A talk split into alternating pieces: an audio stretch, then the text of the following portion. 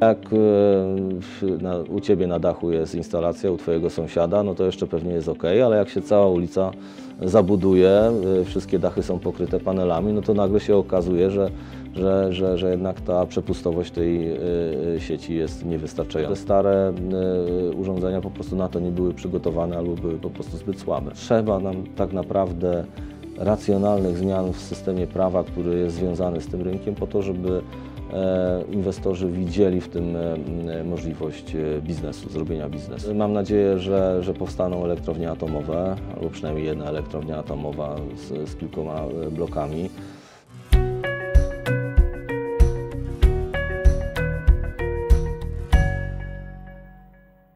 Dzień dobry, witam Państwa na kanale Grupy Kapitałowej Immobile. Państwa moim gościem jest dziś Andrzej Goławski, prezes giełdowej spółki Atrem. Dzień dobry, witam wszystkich. Dziś porozmawiamy o inwestycjach w polską elektroenergetykę, ale nie jak często o miksie energetycznym czy odejściu od węgla, ale o sieciach. Andrzeju, dlaczego te polskie sieci elektroenergetyczne są niewydolne? Sporo się o tym mówi, ale na czym polega ten mechanizm? No, są niewydolne e, przede wszystkim dlatego, że y, mają już swoje lata. To, to przede wszystkim. Y, pewnie tych inwestycji w nowe sieci czy, czy w nowe obiekty związane z sieciami GPZ, stacje, e, mogłoby ich być e, pewnie więcej. E, z różnego e, e, powodu e, tych Zatrzymajmy się. Co to są GPZ-y? GPZ-y, główne e, punkty zasilania, to je- jeden z takich e, kluczowych obiektów e, w, e, sieci dystrybucyjnej. Zachęcam do obejrzenia e, Remigiusz naszego, e, e, naszego filmiku, gdzie e, e, nasi ludzie wyjaśniają dokładnie czym jest e, GPZ. To jest takie miejsce, w którym się schodzą na ogół e, albo do którego się schodzą na ogół mm, e, e, linie zasilające i wychodzą linie zasilające poszczególne kierunki e, w danym rejonie, w, e, w, w terenie. Także to jest taki punkt zborny, można powiedzieć. E, e, Jest tam transformator e, albo transformatory, e, jest e, e, nastawnia, jest e, taka duża rozdzielnica. No to, to wszystko jest e, związane właśnie z tym, żeby mm, e, to zasilanie w- danym rejonie, e, w terenie było stabilne i, i było zasilane czasami też z różnych kierunków, z różnych GPZ-ów. A ile taki GPZ kosztuje? To zależy. e, To zależy. E, e, Ostatnio podpisany kontrakt, ale na duży faktycznie GPZ w Poznaniu, Garbary to 42 miliony złotych.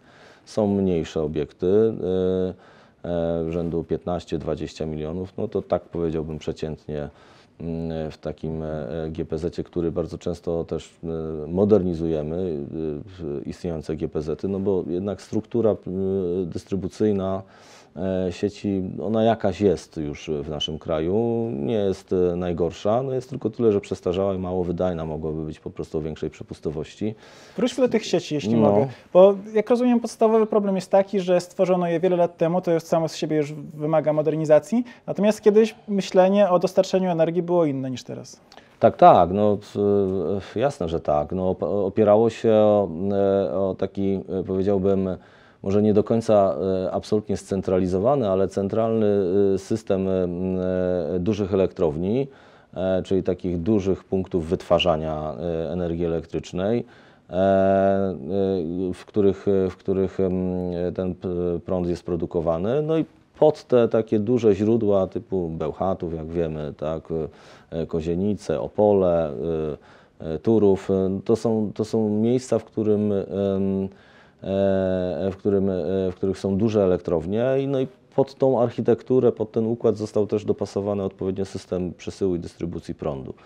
No, czasy się zmieniają, jak wiemy, tak? powstają nowe źródła, powstają źródła gazowe, ale też i powstaje OZE, które, które jest dużo bardziej roz, rozproszone. Tak? I ten system rozproszony niejako mm, to jest coś, to jest taka nowość tak? w tym całym systemie dystrybucji ener- energii elektrycznej. Oczywiście ten dotychczasowy mm, system dystrybucji, linie dystrybucyjne miały swoją przepustowość, one zawsze mają jakąś rezerwę, dlatego mogliśmy bez jakiegoś zasadniczego przebudowywania tego systemu przyłączać nowe, mm, e, e, nowe farmy wiatrowe czy też fotowoltaiczne, no ale jak e, na, u Ciebie na dachu jest instalacja, u Twojego sąsiada, no to jeszcze pewnie jest ok, ale jak się cała ulica zabuduje, y, wszystkie dachy są pokryte panelami, no to nagle się okazuje, że, że, że, że jednak ta przepustowość tej sieci jest niewystarczająca, jak jest słońce. No tak, są i takie miejsca, gdzie już te nowe instalacje nie są przyjmowane do sieci. Zazwyczaj co trzeba zbudować, e, poprawić, żeby to było możliwe?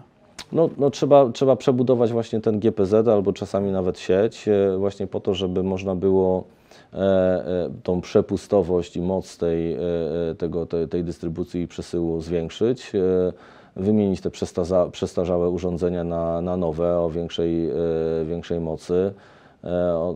no, do tego, żeby były właśnie przystosowane, żeby, żeby mm, kolejne instalacje OZE jak gdyby w, wpuszczać i przyłączać. E, No, dotychczasowe te, te, te, stare e, urządzenia po prostu na to nie były przygotowane albo były po prostu zbyt słabe. Stąd, stąd jest problem. Także no, cały kraj tego doświadcza teraz. Tak.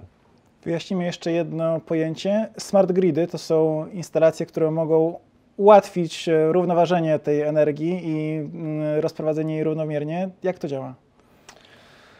No, e, e, trzy takie projekty mamy w swoim portfelu. Jeden skończony, e, dwa na ukończeniu. Ten skończony w Zielonej Górze. e, e, W Gorzowie kończymy, czy prawie praktycznie skończyliśmy. e, Smart e, w Grid e, Poznań Południe w naszej części też praktycznie jest na ukończeniu, stąd jakby doświadczenie spółki naszych ludzi jest dosyć duże.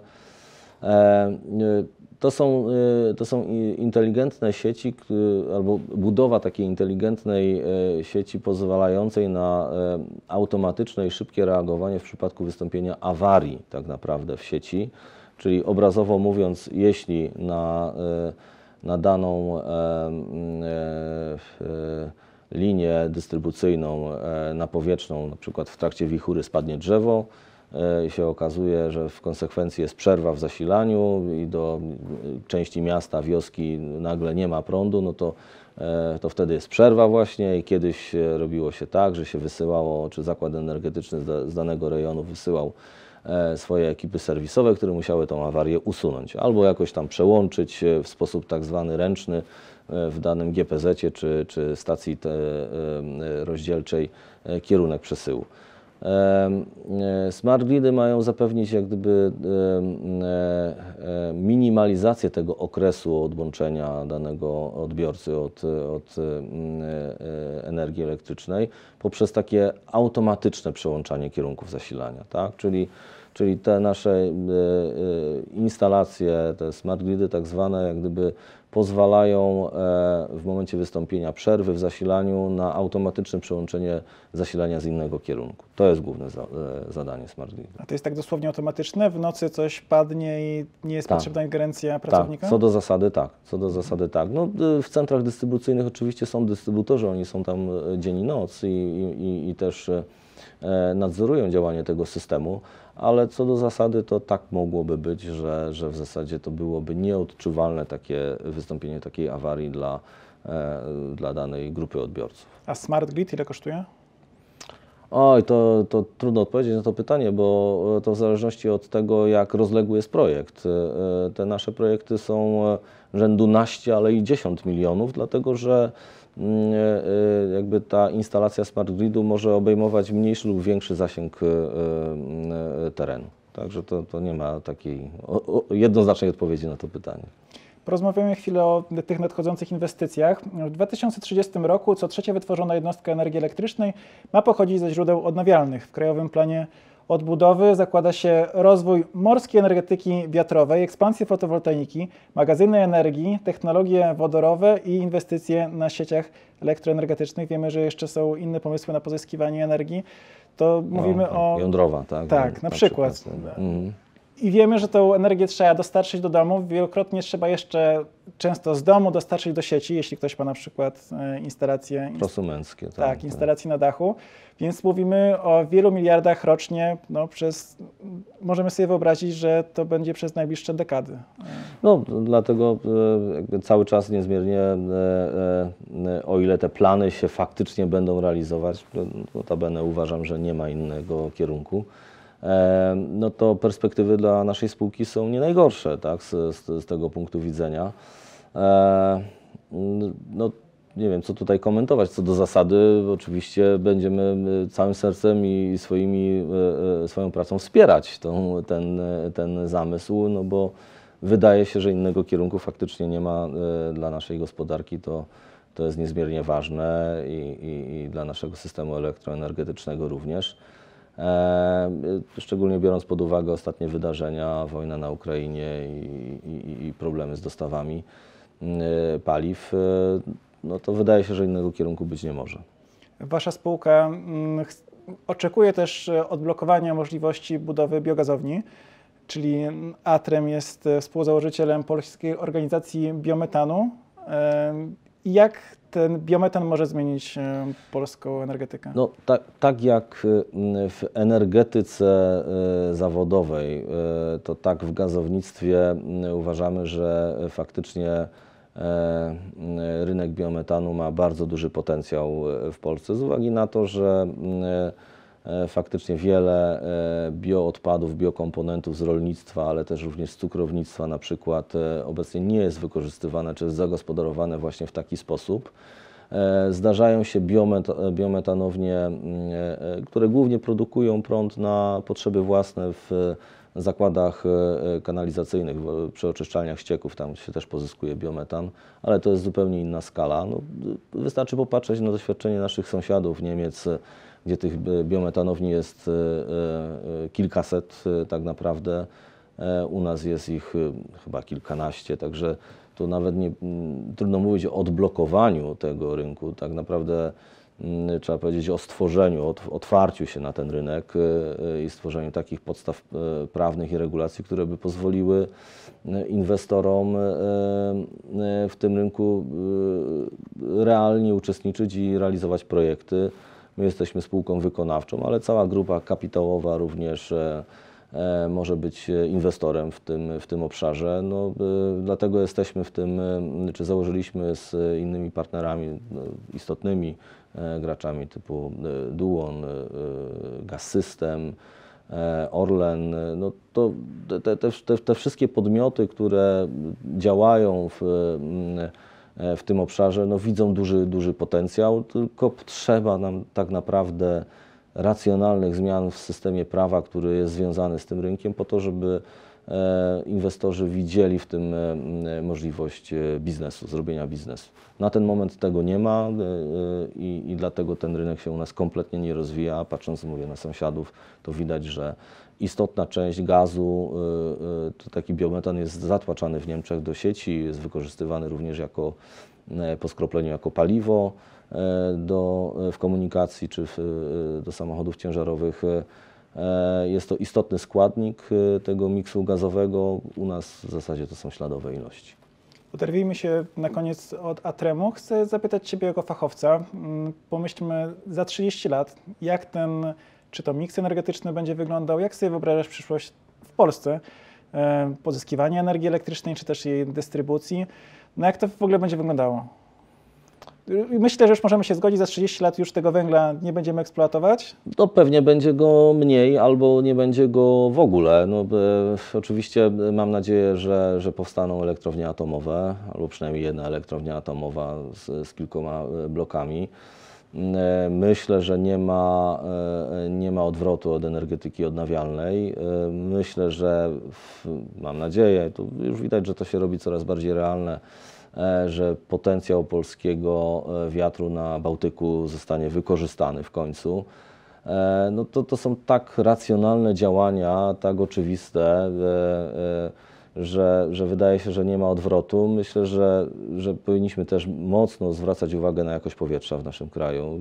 Ja mieszkam w dużym mieście, które jest bardzo często na czerwonej liście i, i, i sam tego doświadczam bo widzę, jak bardzo to jest potrzebne. Tak? Także mam taką nadzieję, że, e, że nasze dzieciaki będą żyły w, e, w mniej obarczonym e, smogiem kraju i, i, faktycznie będą, będą się z tego powodu dużo lepiej czuły niż my się teraz czujemy. A fotowoltaika, na przykład myślisz, że w perspektywie pokolenia siedzimy niedaleko mm, hotelu Focus Hotel, ma taką szklaną elewację. Myślę, że za kilkadziesiąt lat także nie tylko na dachu będą instalacje, ale też na, na ścianach One się budynków. już pojawiają. Ta, to już te technologie już są znane. E, Jest też polska spółka, e, która, która to, e, która rozwija. E, Jestem pod dużym wrażeniem, powiem szczerze, e, e, tego, tego co robią w perowskitach. To pewnie sobie nasi słuchacze po, po oglądają albo, albo już wiedzą, o jaką spółkę chodzi. Na razie to jest problem z wdrożeniem tej, tej, tej, tych technologii na szerszą skalę, po to, żeby one były po prostu opłacalne, ale to czas przyjdzie na to, tak jak kiedyś panele fotowoltaiczne nie były powszechne, a teraz mamy je na co, co drugim dachu. Trzeba też stworzyć odpowiednie otoczenie prawne, żeby, żeby to się faktycznie opłacało. Zobaczcie taki taki impuls e, związany z mm, dofinansowaniem tych instalacji fotowoltaicznych prosumenckich spowodował to, że problemem teraz nie jest ilość tych instalacji, tylko jak je przyłączyć tak, do, do sieci, czyli problem pojawi się zupełnie gdzie indziej. Także myślę, że społeczeństwo mimo wszystko e, będzie się zachowywać jak gdyby racjonalnie i będzie widzieć e, potencjał w tym, żeby, żeby też brać jak gdyby to w swoje ręce. Dziękujemy. To wszystko na dziś. Zachęcamy do oglądania kolejnych filmów na kanale Grupy Kapitałowej Mobile. Oglądajcie, lajkujcie, subskrybujcie, komentujcie. Do zobaczenia. Do zobaczenia, dziękuję bardzo.